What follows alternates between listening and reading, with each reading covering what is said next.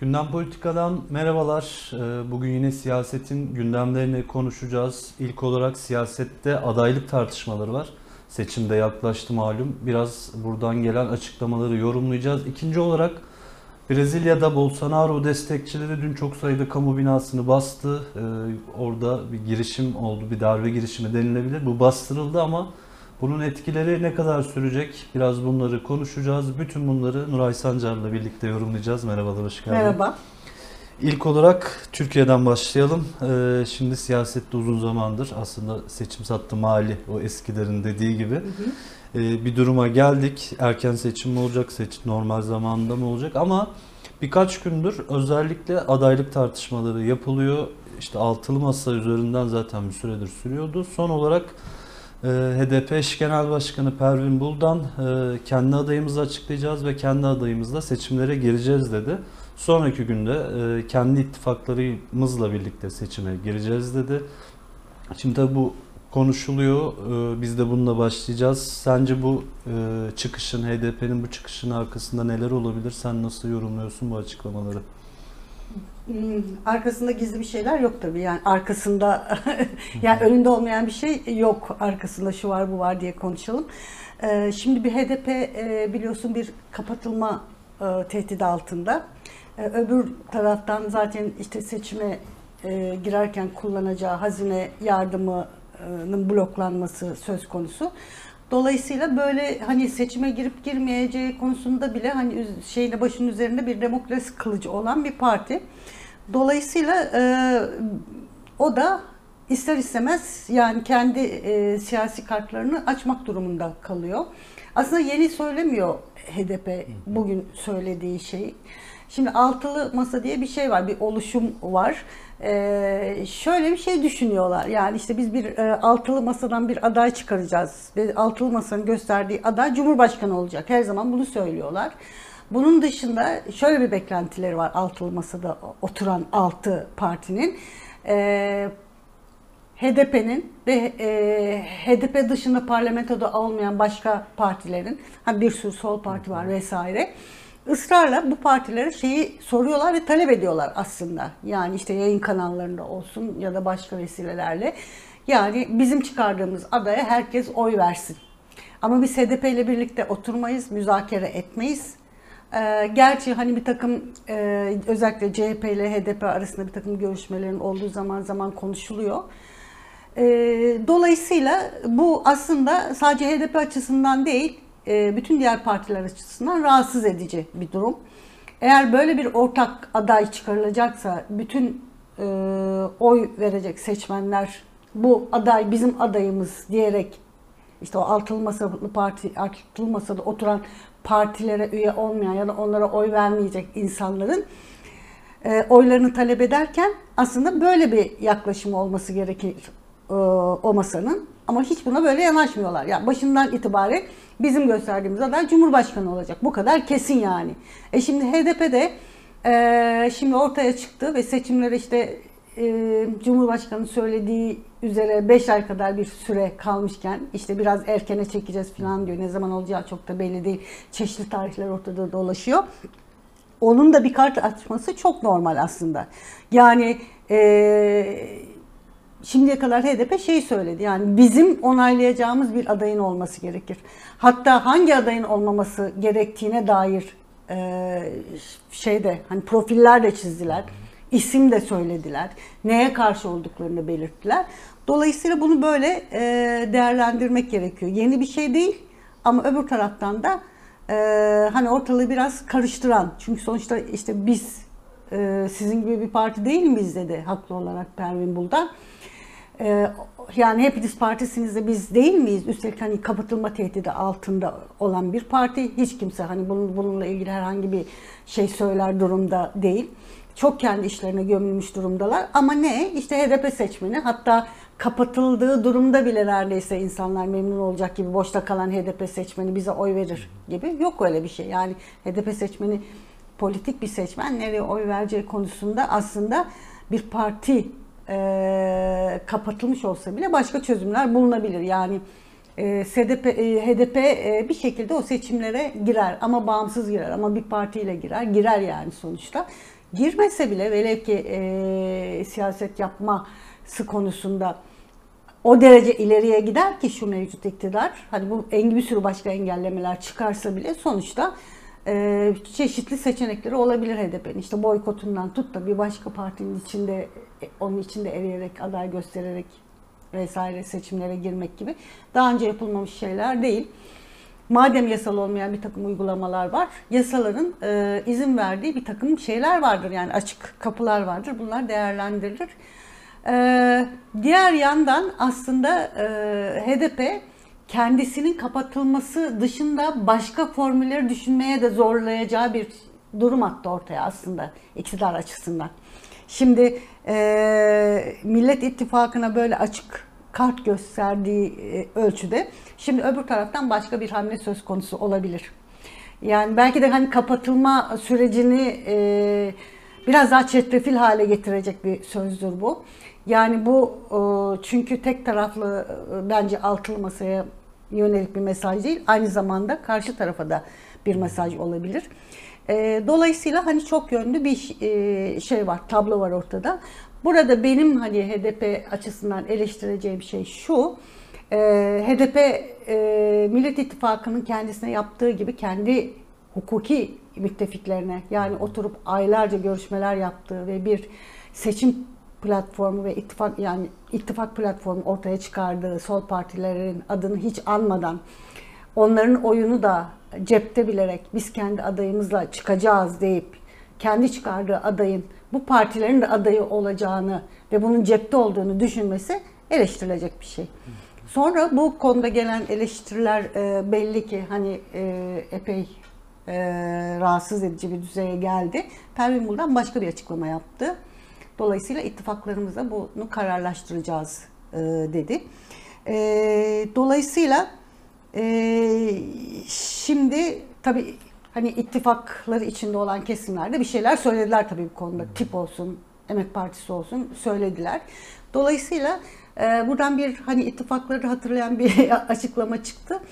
E, bildiğim kadarıyla bu önümüzdeki ya daha doğrusu bu ayın içinde 20'sine doğru 20'sinde e, 20'sinde e, yanılmıyorsam 20, Ocak'ta e, ittifak partileri bir araya gelecekler ve adaylık meselesini e, bir formülle e, belirleyecekler diye e, biliyorum ben öyle e, konuşuluyor. E, o zamana kadar e, bu hani şey üzerine ittifakın ve HDP'nin tutumu konusunda net bir şey söylemek çok mümkün değil. O yüzden ben bunun bir e, siyasi manevra olduğunu, hani kapatılma tehdidi, blokaj vesaire buna, bunlara ilişkin bir siyasi manevra olduğunu düşünüyorum. Daha fazla bir anlam vermeye gerek yok. Çünkü ilk açıklama ile ikinci açıklama da birbirinden farklı. Öbür taraftan da sadece Millet İttifakı'na yönelik şeyle ilgili olarak yani adayın ortak belirlenmediği koşullarda müzakere yapılmadan aday belirlendiği koşullarda e, diğer partilerin istediği türlü davranma hakkı var. E, HDP ve ittifaklarının kendi adaylarını çıkarma hakkı var. Ama bu hak neyle ölçülecek tabii ki? E, hani seçim sonuçlarından ne umuluyorsa ona göre bir e, yöntem ya da şey e, tutum belirlenecek. Dolayısıyla e, bunun böyle hani e, çok ayrışma nedeni ya da çok köpürtülmesi gereken bir tutum olduğunu düşünmemek e, lazım. Sadece bu siyasi manevranın eksikleri, gedikleri, hataları vardır, eleştirilecek yanları vardır. O da zaten yeterince eleştiriliyor diye düşünüyorum. Evet, bugün de aslında çeşitli açıklamalar vardı. Ee, Emek Partisi Genel Başkanı Ercüment Akdeniz bugün öğlen saatlerinde Artı TV'deydi. Ee, böyle bir irade olmakla birlikte 20 Ocak toplantısı beklenebilirdi dedi. Ama tabii ki görüşmelerin sürdüğünü söyledi. Hı hı. Erkan Baştip Genel Başkanı bugün gazetecilerle buluştu. O da e, parti olarak eğilimlerinin hala e, aynı olduğunu, ortak aday olduğunu ama Tabii ki burada da bir krizli durumun olmadığını söyledi. Hı hı. Görüşmelerin süreceğini söyledi. E, tabii 20 Ocak'ta ne çıkacak e, sonrasında da tekrar konuşacağız. E, bu arada CHP'den de bugün bir açıklama vardı. E, Grup Başkan Vekili Özgür Özel HDP'nin mesajının doğru anlaşılması gerek dedi. 6,5 milyon oy almış bir parti tabii ki aday çıkarabilir dedi. E, biz tabii ki bunları konuşacağız. Şimdi ikinci konumuza geçelim.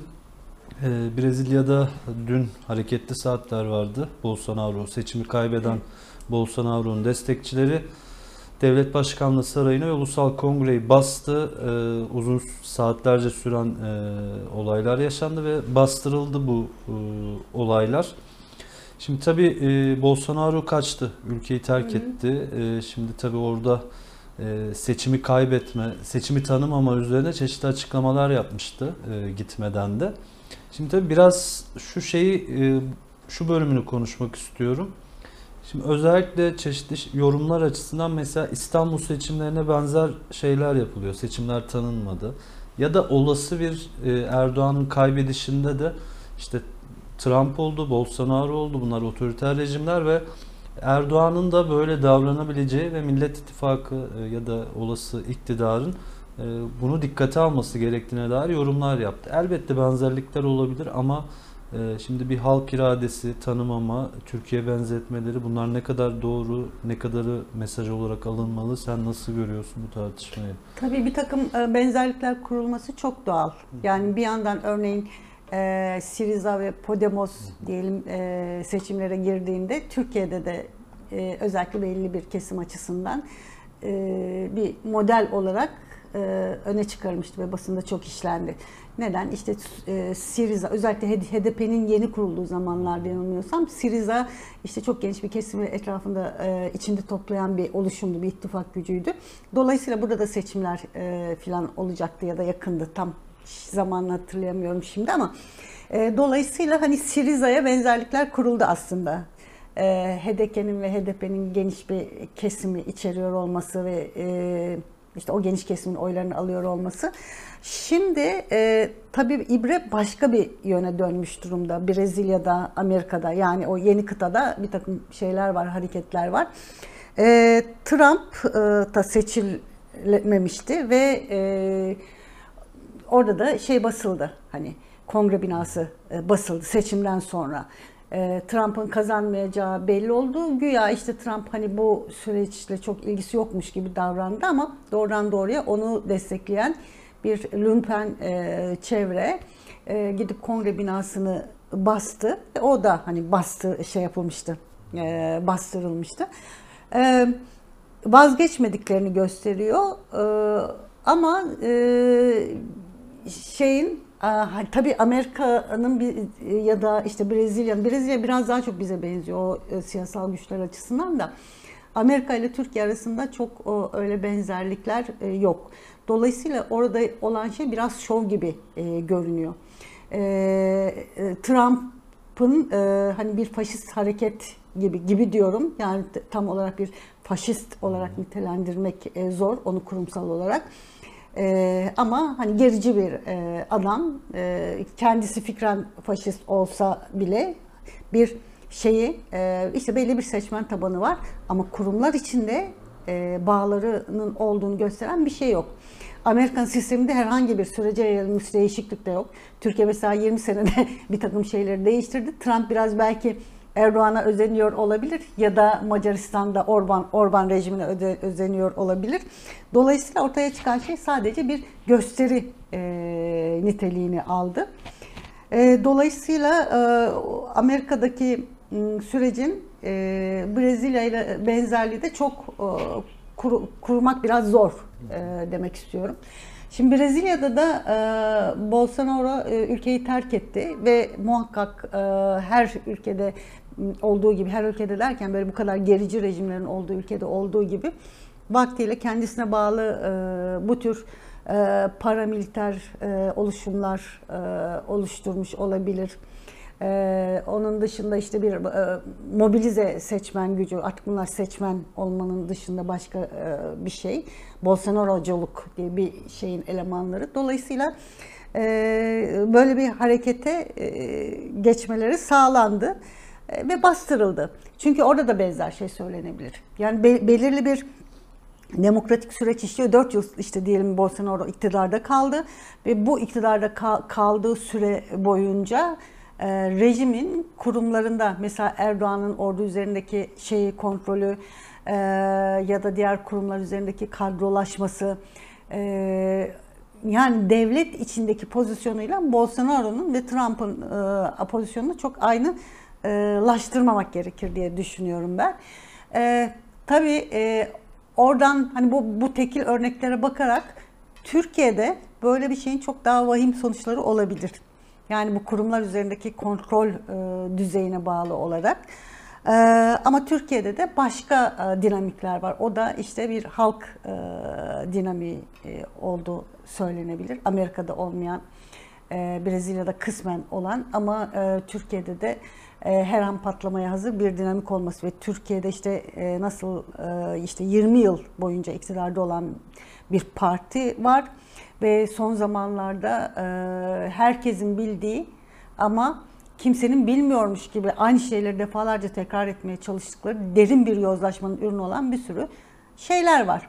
E, artık hani e, iktidarın ortaklarından bir partinin e, hani ülke ocaklarının e, genel başkanı, eski genel başkanının cinayete maruz kaldığı ve kimsenin e, ses çıkarmadığı, iktidarın e, iktidar partisinden ve öldürülen kişinin Sinan Ateş'in partisinden herhangi bir açıklamanın yapılmadığı ve kimsenin hesabının e, sorulamayacağına dair şimdiden e, tehditvari ifadelerin kullanıldığı, hani yargılatmayacağız bunu gibi ifadelerin kullandığı bir ülke burası. E, ama o dinamizm hani halktaki var olan dinamizm ve e, bir, bir tür sağduyu diyelim. Mesela e, Ekrem İmamoğlu'nun seçildiği yerel seçimler tanınmadığı zaman 800 bin farkı yaratan sadece e, başka seçmenler değildi. Neydi? İşte aynı zamanda AKP'ye oy veren, MHP'ye oy veren insanlarda parçalanmış bir denge denetleme sistemi, hani sistemin denetleyici aygıtların ortada kalmadığı bir sürece kendileri açısından da tehlikeli olarak gördüler bunu. Bir tür aslında o faşizan yönelime karşı e, mevcut olanakları içinde halkın bir direnişiydi o. 800 bin farkla Ekrem İmamoğlu'nu tekrar seçti İstanbullular.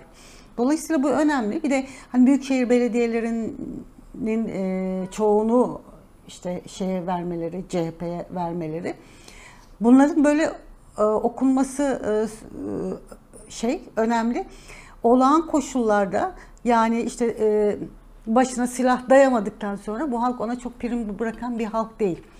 Şimdi onun da başka bedelleri olur tabii bu dediğim başka hani başka zor şiddet şiddet uygulayarak olmasının başka bedelleri olur. Dolayısıyla e, sistemin kolonlarının bu şekilde hani daha zorlayarak sarsılmasının göz alınıp alınamayacağı da burada önemli. E, ama her iki durumda da e, bu dinamizm yani halktaki o şey reaksiyon, dinamizm, e, çeşitli nedenlerle bastırıp erteledikleri, bu çeşitli nedenlerin içinde aslında muhalefet partilerinin de yönlendirmesi var. Halkın tepkilerini göstermesinin önüne sürekli set çekiyorlar çünkü. E, sadece işte bir sandık mefhumu var. Hani bir, bir şeyden şu süreçten çıkış için insanlar hani bir laf vardır ya insanlar aç aç aç diye. Şimdi aç insanlar, yoksul insanlar ve bunu ifade edebilecek kanalları yok. Bir tek sandık var. Sen onu da elinden alırsan o e, şey e, hani e, sistem korumaya çalıştığın sistem toptan e, yani bu iktidarı yani bu iktidarda bulunanlar açısından, bu ülkeyi yönetenler açısından ciddi başka sorunlar getirir diye e, düşünmek, daha doğrusu onların düşünmeleri lazım. E, yani bir şeyler oluyor ama e, e, neler oluyor belli değil, değil hikayesini yapabilirler ama son tahlilde rejimin esas güçlerinin o esas güçlerinin neler olduğunu da biz çok iyi biliyoruz aslında. Hani belli e, rahatlamalar işte halk açısından belli bir dengenin tutturulması vesaire gibi ihtiyacı onların da var. Yoksa e, topyekün bir e, faşizan e, süreçle kontrol edebilecekleri bir noktada değil. Dünyanın ahvali de öyle değil ama bunu deniyorlar sürekli yapıyorlar ve alttan alta e, var olan o direnişe tosluyorlar aslında. Dolayısıyla çok e, hani bu şey gibi Brezilya'daki gibi e, şeyler olabilir. Biz hani bunlara alışığız. E, şeylere trafolara kedi girebilir. Ama ne oldu geçen sefer? İşte e, İstanbul İl Örgütü, CHP'nin il örgütü e, sandıkları şeyleri oy çuvallarına e, sarılarak Ee, onları korumaya çalıştılar. Yani bunlar yapılacak artık. Yani şimdi onlar hani şunları yaparlar, bunları yaparlar diye böyle korku, ehvam vesaire bunları hani büyütmek bize düşmesin. Zaten bunu yapıyorlar ama ne olursa olsun bir şekilde bu iktidarın gitmesi için e, herkes elinden geleni yapacak. Bu çok açık. O da isteyecek ki mümkün olduğu kadar çok kalsın. Yani böyle. Evet bugün sen şimdi tabii Erdoğan'ın e, bu kurumlar üzerindeki etkisini anlatırken bugün de buna benzer bir şey yaşandı. E, bugün bir törendeydi Erdoğan. BMC bu askeri sanayi ile ilgili bir tören. Orada Kemal Kılıçdaroğlu'na yönelik işte gittin hamburger yedin işte onların önüne yattın gibi açıklamalar yaptığında tüm yüksek düzey komutanlar böyle alkışlamaya başladı. Tabii bu da çok tartışıldı yine. Ee, 2018'de de çok tartışılmıştı. Bugün de böyle bir görüntü çıktı. Tam da dediğin üzerine bunu da hatırlatmak istedim. Çok teşekkür ederim. Ben teşekkür ederim. İyi günler diliyorum. Evet bugün e, siyasetteki adaylık tartışmalarını e, konuştuk. E, hem HDP'den gelen açıklamalar, bir taraftan Altılı Masa'dan gelen açıklamalar vardı. Bunları yorumladık. Ayrıca Brezilya'da dün gece yaşananlar Bolsonaro destekçilerinin kamu binalarını basması ve tabii ki bu bir şeylere benzer mi? Sonraki süreç açısından, Türkiye açısından da bunları yorumlamaya çalıştık. Ee, Şimdilik bizden bu kadar. Biz tekrardan burada gündemi konuşmaya devam edeceğiz. Hoşçakalın.